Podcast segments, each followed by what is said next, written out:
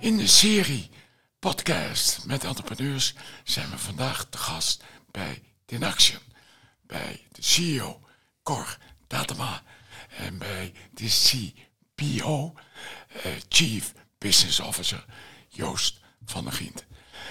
Dinaction is een echte deep tech start-up, dus grote complexiteit en dus ook risico over de technische as, maar ook grote complexiteit en risico over de as van de marktacceptatie.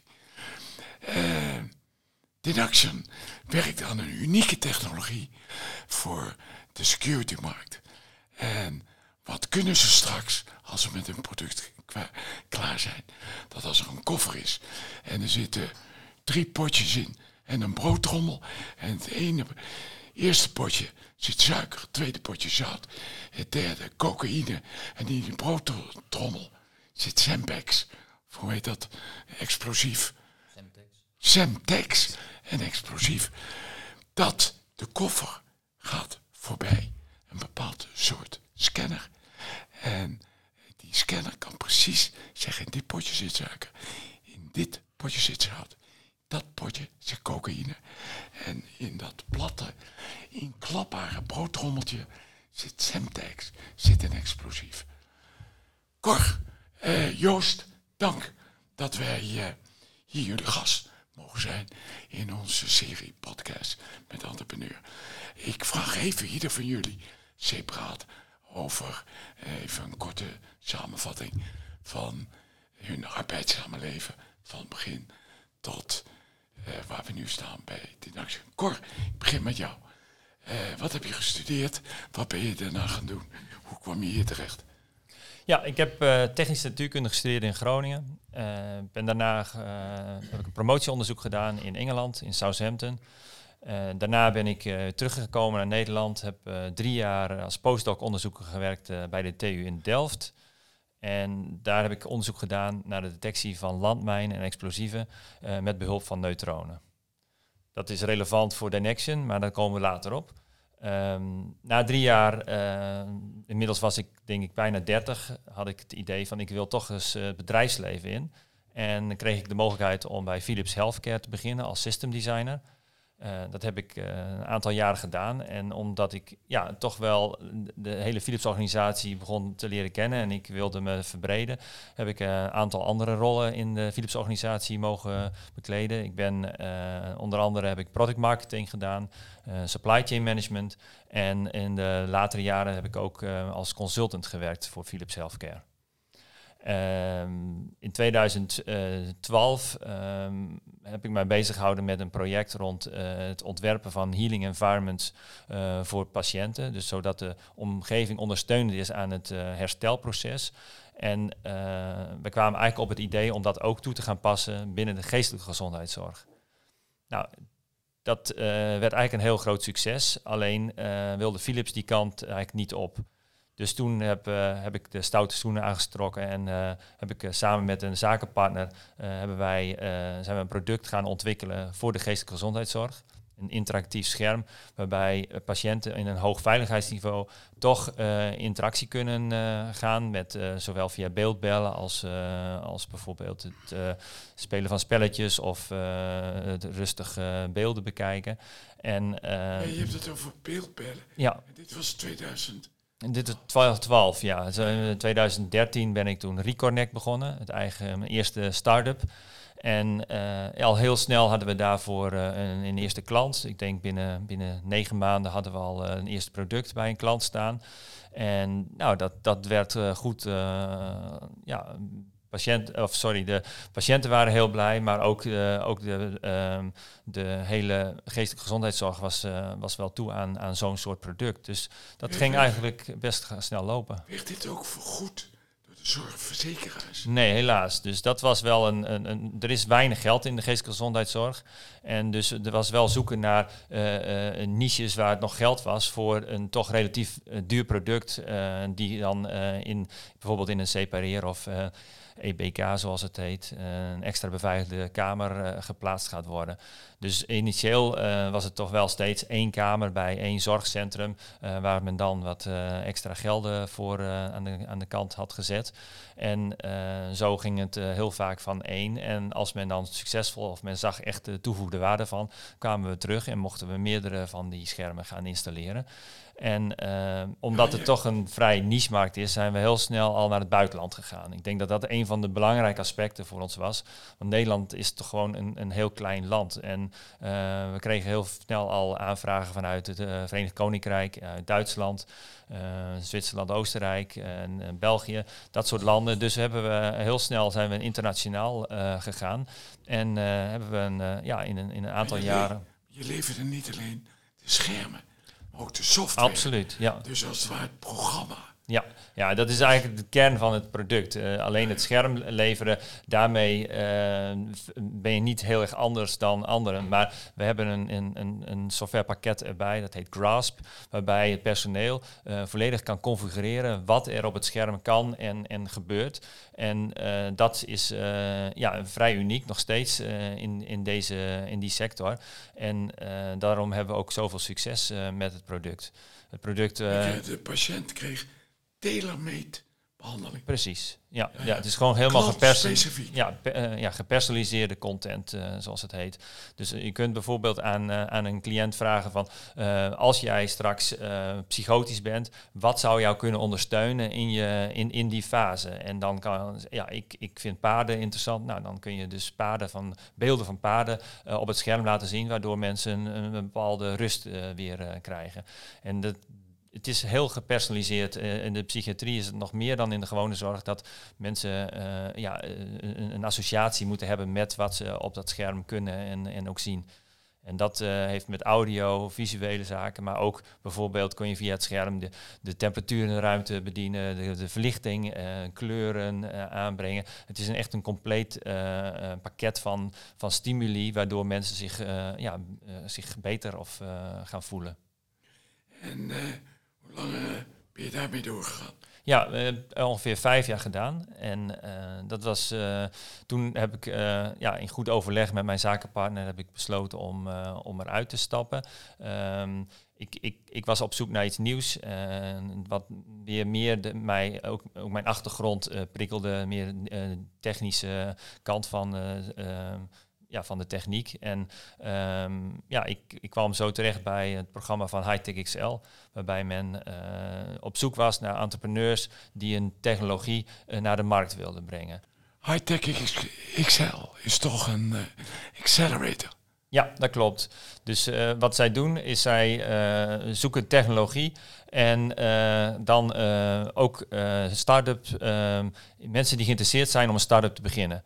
En die koppelden ze aan elkaar. En op die manier uh, willen zij uh, start-ups genereren. En daar zijn ze heel succesvol in. Ik denk dat uh, wij, wij waren in 2018 de eerste cohort die zich bezighield met deep tech. En inmiddels zijn er nu al, ik denk, 25 start-ups gegenereerd door een soortgelijk uh, programma te doorlopen. Waarbij je dus in een, in een aantal maanden uh, eerst de propositie gaat valideren en dan natuurlijk ook eigenlijk alle organisatorische zaken in orde brengt rond de eerste stappen van een start-up. en daar word je dan heel goed in begeleid. En op het moment dat je op eigen benen kan staan, dan, ja, dan begint het echte werk en ga je je producten ontwikkelen, je markt ontwikkelen. En uh, dat is in ons geval natuurlijk een, een, een vrij lang proces, want uh, we hebben het over een hele complexe technologie uh, in een complexe markt. En dat betekent dat de time to market best lang is voor, voor ons product. je hebt ook nog te maken met allerlei regelgeving. je kunt niet zomaar een, een product op de markt zetten in de security-omgeving. als ik het goed begrijp, heb jij toen in dat programma bij Hightech XL het idee ingebracht om met behulp van neutronen uh, de substanties te identificeren. Dus eigenlijk in hoge mate een Steve Jobs uh, connecting the dots gehalte. Want twintig jaar eerder had jij als postdoc of wat dan ook mm -hmm. gewerkt aan het identificeren van explosieven met neutronen. Dus twintig jaar later kwam dit weer terug. Ja. Jij bracht dat als idee in. En een aantal andere mensen, uh, ja, die haakten aan. En toen zijn jullie dat gaan ontwikkelen. Correct, ja. En dat, idee. Ja, dat Ja, ja. idee. En ehm, ik denk dat, dat het wel interessant is om, om even aan te geven waarom eh, toen de tijd eh, ik daar niet al mee verder ben gegaan. Want de technologie was nog gewoon nog niet zo ver. En eh, eigenlijk het unieke aan onze oplossing is, is, een, is een hele compacte deeltjesversneller waarmee wij neutronen genereren.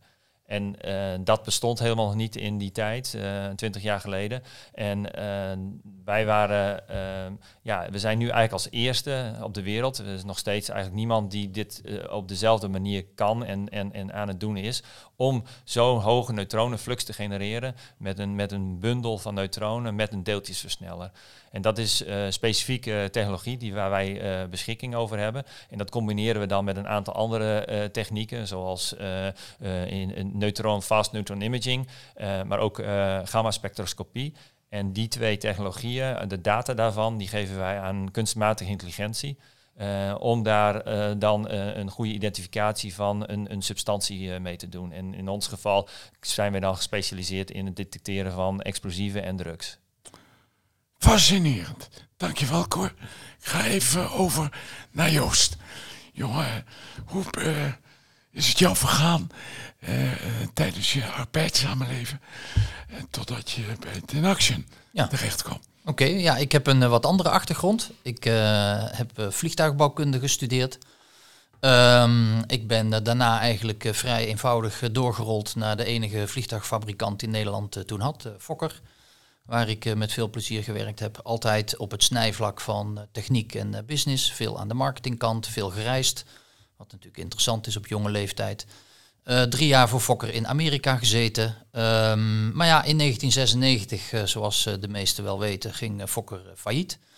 Dus dan kom je op straat te staan. Ehm, ik had de mazzel dat ik vrij snel door kon stappen. Ik ben bij Stork terechtgekomen. Dat had toen nog niets te maken met het feit dat Stork op een later moment Fokker heeft overgenomen. Dat was puur toeval. Bij Stork heb ik drie jaar een ruimtevaartproject gemanaged. Ehm, en toen dat project klaar was, heb ik eh, een korte tijd bij de KLM gezeten. Eh, wat toch wel een heel ander bedrijf was dan eh, Fokker, ondanks dat het allebei luchtvaart was. Dus dat was niet zo'n goede match. Ehm, en ik ben weer op zoek gegaan naar iets waar mijn hart ligt, en dat is de maakindustrie. Ik hou van een totaalbedrijf waar ze alles doen. Dingen maken, inkopen, ontwikkelen, research, marketing, service, et cetera. Maar ook wel een beetje van Hollands glorie, Hollands trots. Ehm, en zo ben ik terechtgekomen bij DAF Trucks.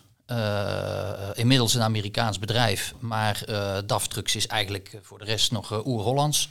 Dus een prachtige parallel eh, met Fokker. Eh, ook daar heb ik eh 15 jaar met veel plezier eh, gewerkt. Op het snijvlak wederom van techniek en business.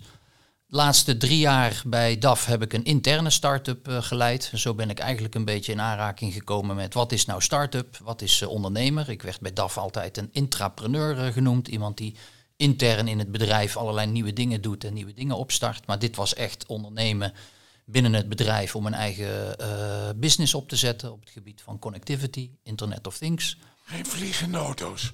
Geen vliegende auto's. Jouw achtergrond. Nee, nee, nee. Maar eh, ja, daar heb ik dus wel geleerd hoe leuk het is om met jonge mensen te werken, om iets op te bouwen. Ehm, om een, om een, ja, eh, een, eigen business als het ware te verzinnen. Want dat was eigenlijk de opdracht. Hoe kunnen we met data geld verdienen? Eh, niet alleen voor de klant, maar ook voor het hele dealernetwerk en ook voor het bedrijf. Ehm, dat bedrijf dat, eh, die start-up is, zijn we met z'n tweeën begonnen met een wild idee. En toen ik daar wegging, waren we met zo'n 35 man. Ehm, en eh, nou ja, ik vond het tijd om eh, op een gegeven moment ook eens eh, uit de grote wereld te gaan van de corporate. Ik vertelde al dat ik ja, die start, zo'n start-up en dat ondernemend zijn toch wel heel erg leuk vond. Ik ben benaderd door een start-up in Twente of ik daar wilde komen werken. Die maakte een robotvogel. Nou, dat leek mij als vliegtuigbouwer uitermate interessant. Dus daar heb ik een tijd gezeten, zo'n anderhalf jaar. En, eh, Wat ja. was de toepassing van die robotvogel? De belangrijkste toepassing is eigenlijk het op een natuurlijke manier wegjagen van vogels, eh, waar vogels overlast veroorzaken. Dus dat kan zijn vliegvelden, eh, maar dat kunnen Wat bedoel je op een natuurlijke manier? Nou, omdat eh, de, de, de robotvogel ontworpen was als een, eh, een echt lijkende roofvogel. En eh, we weten allemaal wel een klein beetje dat vogels eh, zich moeilijk laten foppen. En er zijn hele mooie beelden van een, eh, een vogel die op een kanon zit op Schiphol. En vlak voordat de gaspatroon in de kanon valt, hoor je een klikje van die gaspatroon die erin valt. En dan zie je die vogel heel rustig wegvliegen. En dan hoor je boem van het kanon. En dan komt die vogel weer keurig terug en die gaat weer op dezelfde plek zitten. En, en zo werken vogels, maar een natuurlijke vijand, die, daar schrikken ze wel van. En het voordeel van een natuurlijke vijand is dat ze denken dat die vijand eh, zeg maar het gebied als zijn of haar gebied wil hebben. En dan moeten ze dus niet weg zijn, maar weg blijven. En dus het is een blijvende oplossing om vogels eh, te kunnen verjagen. Ik begrijp, de robotvogel, ik geloof dat de unieke daarvan was, dat die, terwijl het een mechanische vogel was, met een motortje erin, Ja. dat die vloog als een vogel. Ja, klopt dat? klopt. Ja. Eh, je kon hem eigenlijk nauwelijks onderscheiden van een echte vogel. Dus Net zo groot, net zo zwaar en werd alleen maar, alleen maar voortgestuwd door het, zoals een vogel, door het klapperen van de vleugel. En dat is vrij uniek, want als je dat eh, bij wijze van spreken met een eh, gewone vleugel zou doen, hè, bedoel, de patenten waren gebaseerd juist op die vleugel, dus daar ga, zal ik niet te veel over vertellen. Maar als je dat gewoon met een flapperende, alleen maar een flapperende vleugel doet, dan gaat die vogel niet vanzelf vliegen. Dan heb je altijd nog een stukje voortstuwing eh, nodig. En, en, en deze robotvogel was zodanig ontworpen en ook gemaakt, want het heeft ook met de materialen te maken, eh, zodanig gemaakt dat hij echt alleen door het klapperen van de vleugel eh, zijn eigen voortstuwing had. Geen Zo- propelletje. geen propelletje. Nee. Heel goed. En dat is natuurlijk vrij bijzonder. Nou dat is goed, dat, bijzonder. dat eh, een moeilijke markt overigens. Veel parallellen misschien wel met uh, maar een hele moeilijke markt. In principe een serviceproduct wat ook erg duur is. Nou, om een lang verhaal kort te maken, dat was voor mij uiteindelijk eh, geen eh, succes. Dus ik ben teruggegaan eh, naar Eindhoven. Want dat bedrijf zat in Twente. Ehm, maar ik had wel zoiets van, ja, die start-ups, dat is toch wel een hele mooie wereld. En toen zei er iemand tegen mij, nou dan moet je eens met Hightech XL gaan praten. De accelerator waar Cor het over had.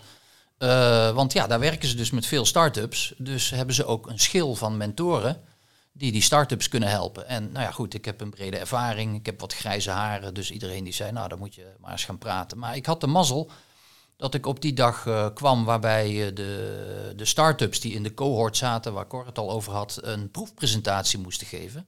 Waaronder ook Danexion. En ik had eigenlijk zoiets van, ja, dat, dat is wel weer uh, passend bij mij. De maakindustrie, een beetje de luchtvaartmarkt. Uh, moeilijk. Hè? Bij Fokker zeiden, of bij DAF zeiden ze altijd als een project moeilijk is, nou geef het dan maar aan Joost. Dus, dus die moeilijke dingen, hè, waarvan de meeste mensen zeggen van ja, dat gaat toch niks worden, het is veel te ingewikkeld, gaat veel te lang duren. Nou, daar hou ik wel van. Um, en ja, Dynexion zat op dat moment in een, in een fase waarin mensen die er werkten teruggingen naar Hightech XL, want die waren tijdelijk uitgeleend. Er zaten een paar mensen van ASML en die gingen terug naar ASML. Cor was nog bezig met de overgang vanuit zijn Reconnect verhaal. En ik had vijf dagen in de week was ik beschikbaar. Dus uh, ja, een hele mooie match. Uh, ik heb Cor ontmoet, Cor gesproken en ook die match was goed. Dus ik heb gezegd, nou, ik wil mijn schouders daaronder zetten en, en daaraan meehelpen. En hadden toen de mazzel.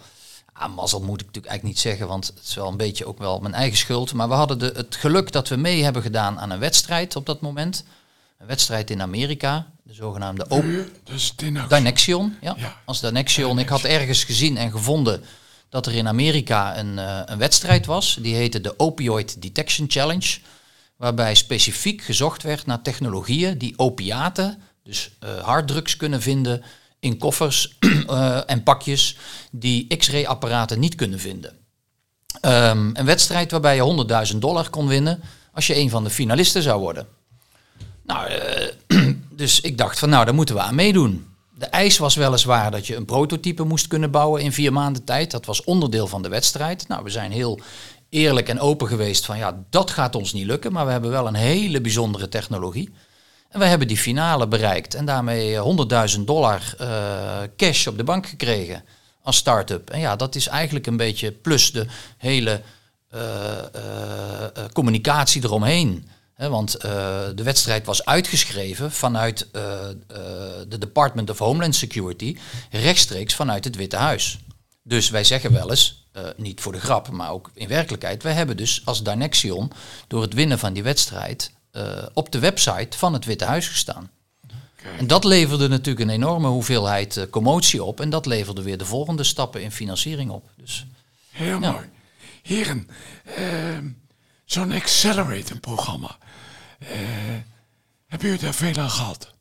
Ja, absoluut. Ik, uh, ik denk wel dat, uh, dat het altijd beter kan. Uh, zeker omdat wij eigenlijk de eerste cohort waren die uh, zich met deep tech uh, ging bezighouden. Daarvoor waren ze toch veel meer op de wat, ja, wat, wat, wat simpele technologieën gefocust.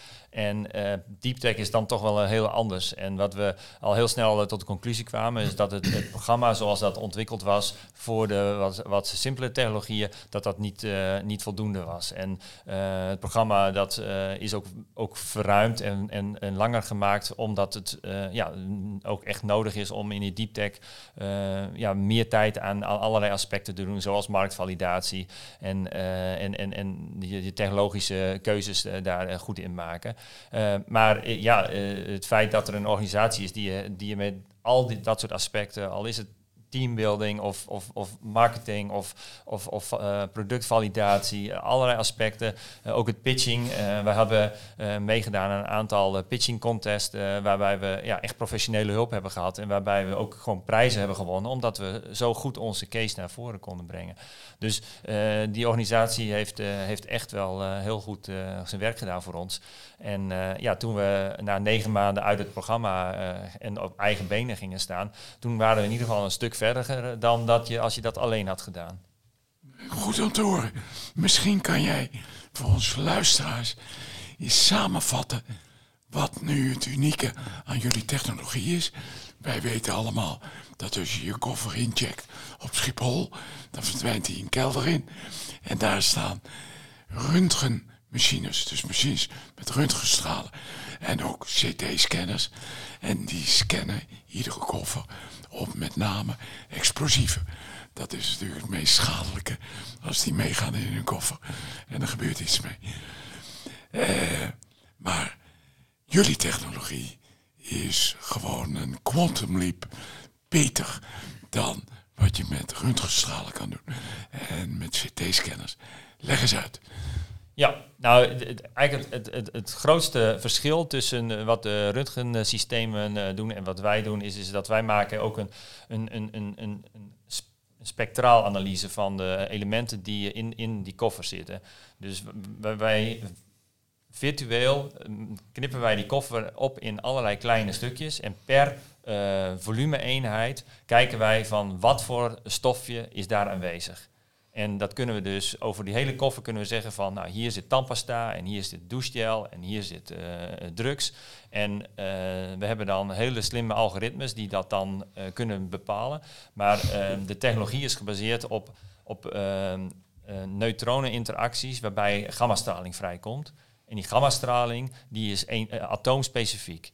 Dus wij kunnen, als we de, die gammastraling detecteren, dan weten wij van welke atoomsoort die afkomstig is. En uh, als je daar dan die AI op loslaat, dan zegt hij van oké, zoveel koolstof, zoveel stikstof, zoveel uh, waterstof of zuurstof. En die verbinding kun je dan bepalen zijn van nou, dan is dit was uh, bijvoorbeeld cocaïne of dit was een, een, explosief. En als hij dat eenmaal gedaan heeft, dan gaat hij kijken van oh, heeft de, de, de naburige volumes hebben dat ook. Dan kun je bepalen van hoeveel het was, hoe groot het object was. Maar omdat je ook nog eens een afbeelding maakt kun je ook nog eens zeggen van waar precies die materialen gelokaliseerd zijn. En die informatie kun je dan heel goed terugvoeren naar een, een de operator om dan te zeggen van oké, deze koffer moeten we er echt uithalen, want hier zit ook daadwerkelijk een explosief in. Wat op dit moment gedaan wordt, is dus al die röntgensystemen die kijken eigenlijk naar ehm, een, een beeld. En dat beeld, als ze daar denken dat ze daar een explosief in zien, dan, gaat het, dan wordt het zoals, dan is dan een, een alarmering. Maar dat gebeurt in heel veel gevallen, omdat uh, alleen op beeldinformatie je niet genoeg informatie hebt om heel duidelijk iets te zeggen of iets nou een explosief is, of als het erop lijkt dat het een explosief is. Dus je praat dan over een false alarm rate. Uh, als je het niet zeker weet, moet het eruit. Nou, dat, dat bij Schiphol bijvoorbeeld, zal dat zo tussen de 20 en de 30 procent van al die koffers die gaan dan, worden dan uitgehaald. En je zegt van ja, uh, je moet er toch even meer naar kijken. Dat stuk van het proces, dat is juist het heel intensieve van het proces. Want dan moeten de mensen gaan, gaan kijken, mensen moeten die koffers openmaken. Je weet het wel, dan heb je een briefje in je koffer gehad van ja, we hebben je koffer over, open gehad. En dat gebeurt met heel veel koffers, omdat je geen risico's kunt nemen.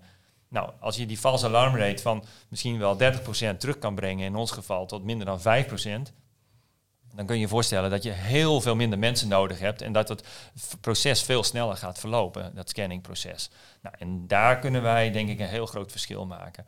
En dat is ook het unieke aan onze technologie. Onze technologie is dusdanig nauwkeurig en dusdanig eh, ook eh, eh, snel dat je je, processen in, in, in vliegvelden en, en bijvoorbeeld ook bij pakketdiensten of bij de douanes ehm, veel efficiënter kunt laten verlopen. Maar nu nog even vraag aan jou over de techniek. Kom ik zo bij jou eh, terecht, Joost, over financiering en zo. Ehm, jullie hebben al een proof of concept. Dat hebben jullie al eh, gerealiseerd. Maar voordat je een prototype eh, hebt, ben je vier jaar verder. En een bedrag in de acht cijfers. Nou, niet vier jaar hoor. Eh, ehm, wij- eh, het doel is nu om een prototype te bouwen in ongeveer eh 18 tot 24 maanden. Oké. Dus in anderhalf jaar, eh, we hebben hier een stralingsbunker in ons gebouw, eh, kunnen we een volledig prototype opbouwen. Eh, maar er zit natuurlijk wel een, een, een prijskaartje aan.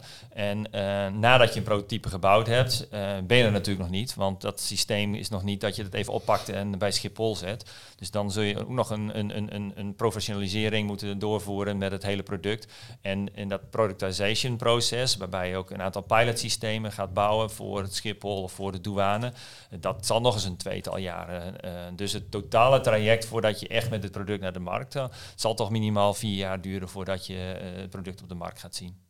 Nou ja, dat maakt het dus echt deep. Want je bent vier jaar bezig voordat je kunt zeggen, nou, nu is het eh, een eh, viable product wat ik eh, in grote aantallen of relatief grote aantallen kan verkopen aan luchthavens of aan pakjesbezorgers, eh, FedEx, eh, UPS, eh, DHL enzovoort. Maar deep tech is het, eh, eh, over de technische als groot risico, want je moet dus een, neutro een neutronenversneller ontwikkelen. En je moet de, de, de apparatuur ontwikkelen om die gammastralen weer op te vangen en met AI te interpreteren. Nou, dat is dus zeer complex. Dan kom ik bij jou terecht, Joost. Eh, dat moet je dan meten te financieren. En hoe is het klimaat in Nederland om echt deep tech gefinancierd te krijgen?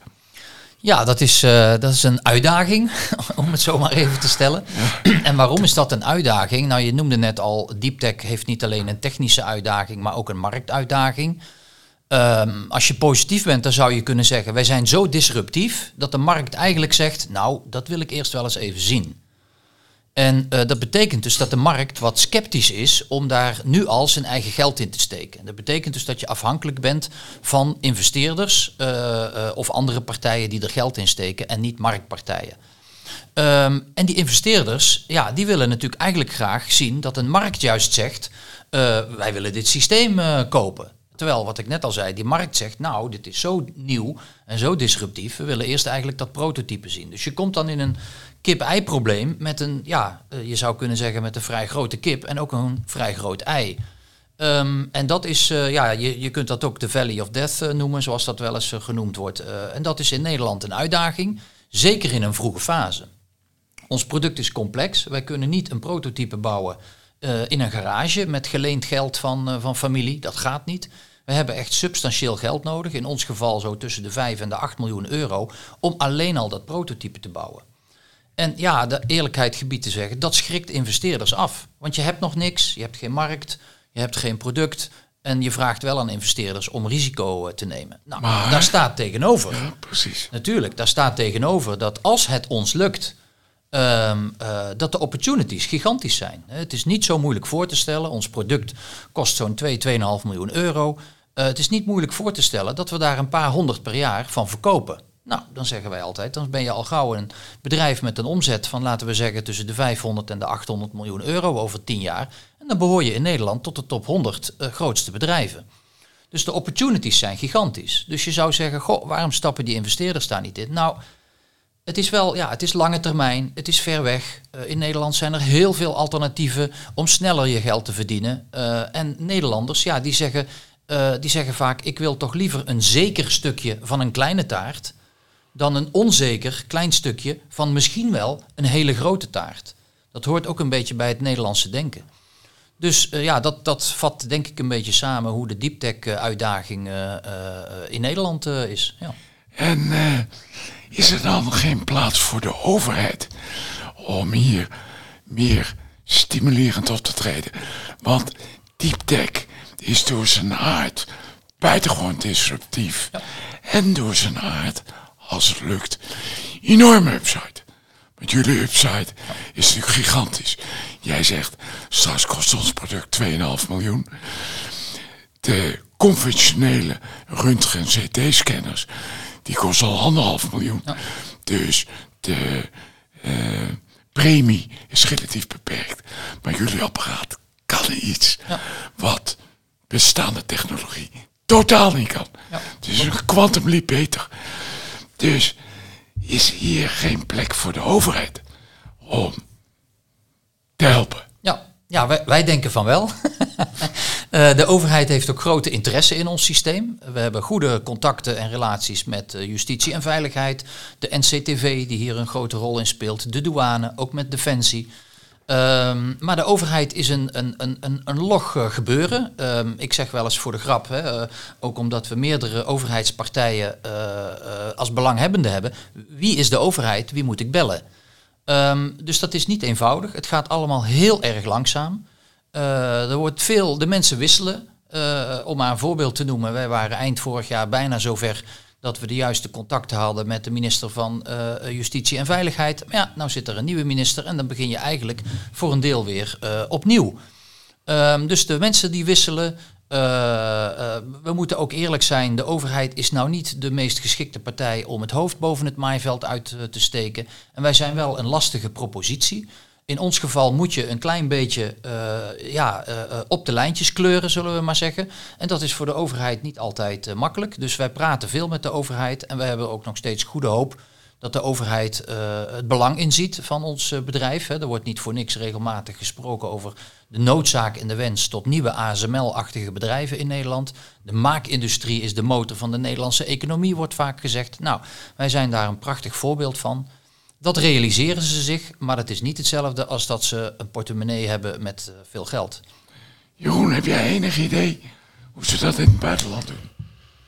Um, ja, ik heb dat uh, idee zeker. Uh, ik ben ervan overtuigd dat buitenlandse venture capital, capital fondsen veel groter denken.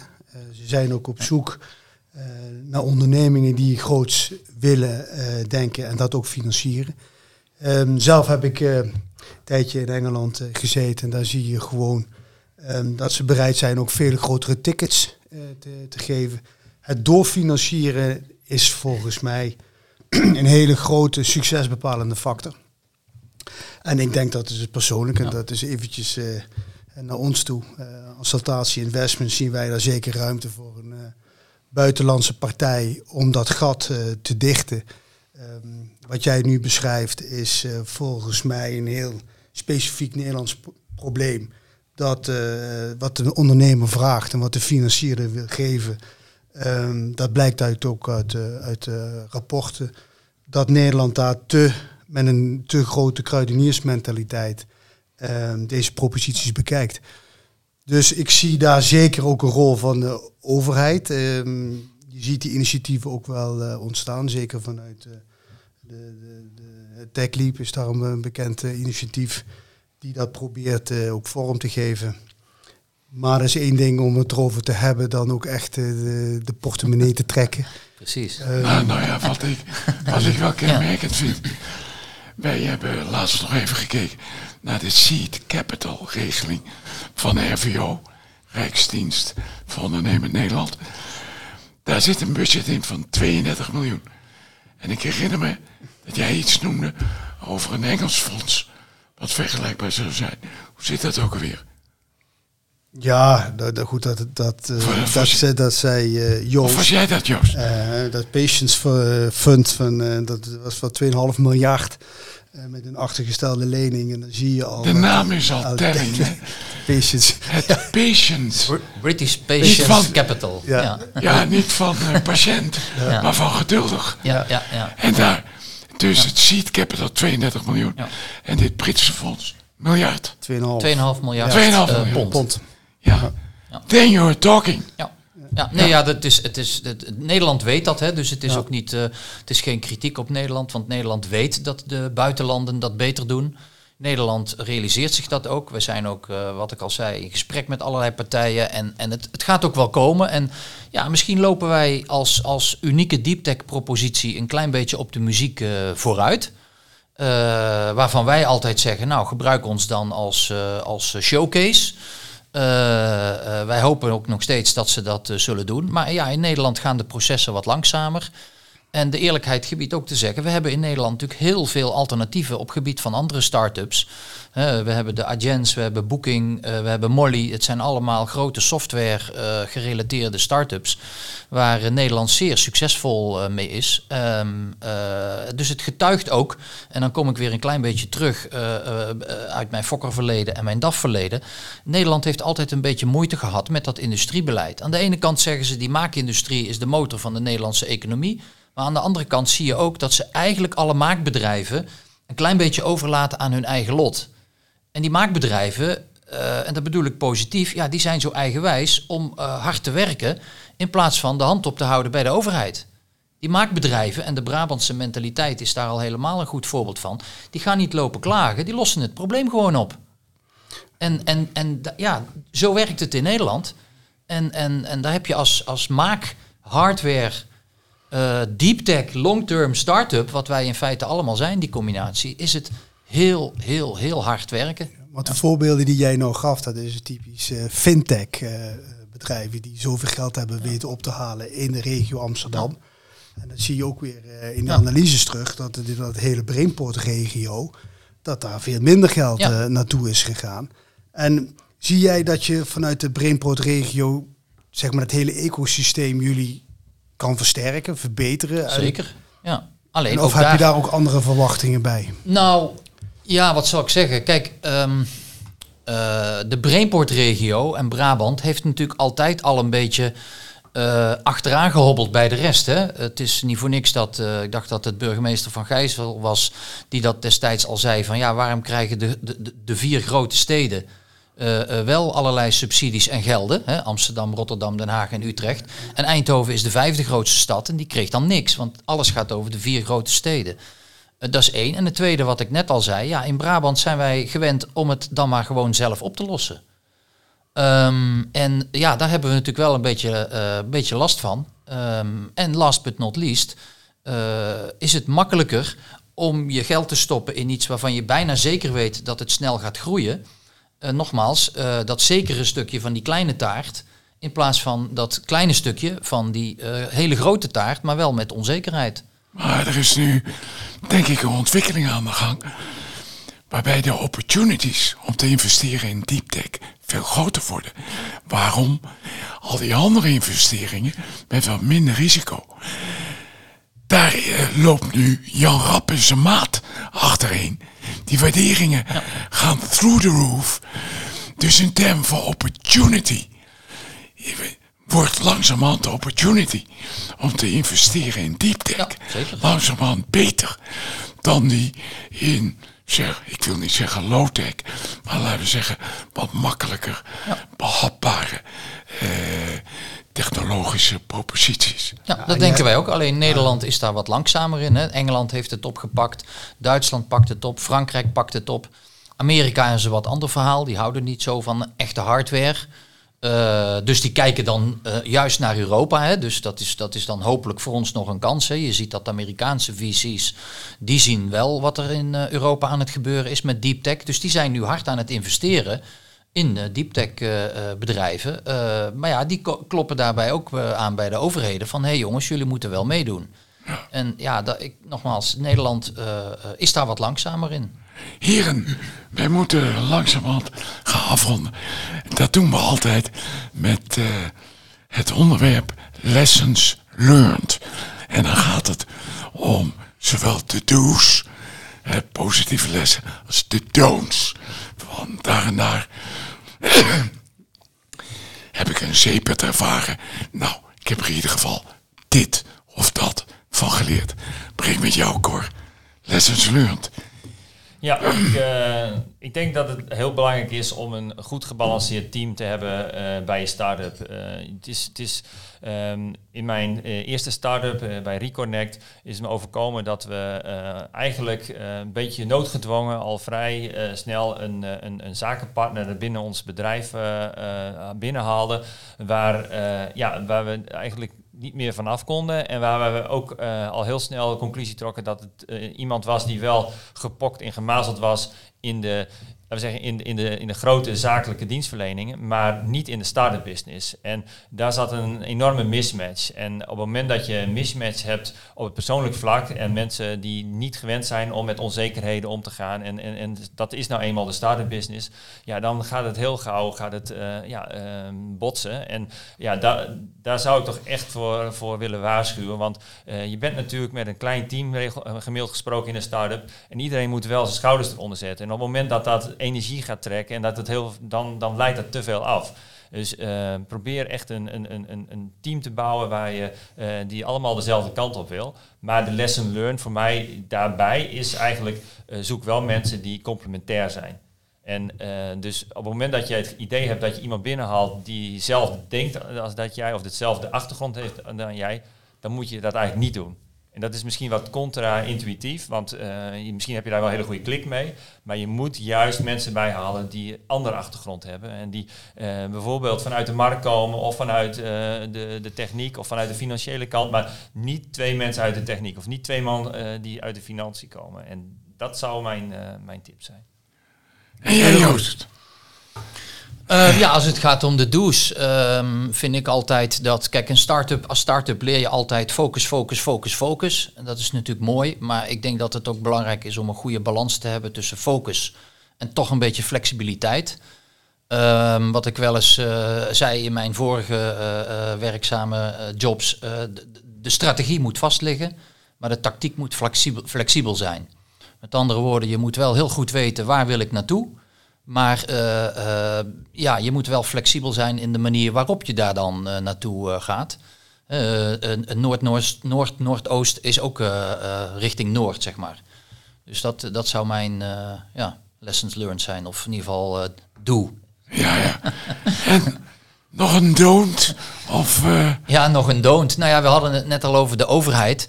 Um, wat denk ik goed is maar waar je wel heel goed mee op moet letten is elke start-up zit al heel snel, uh, als het goed is, in een enorme, uh, uh, ja, in een enorme tunnel.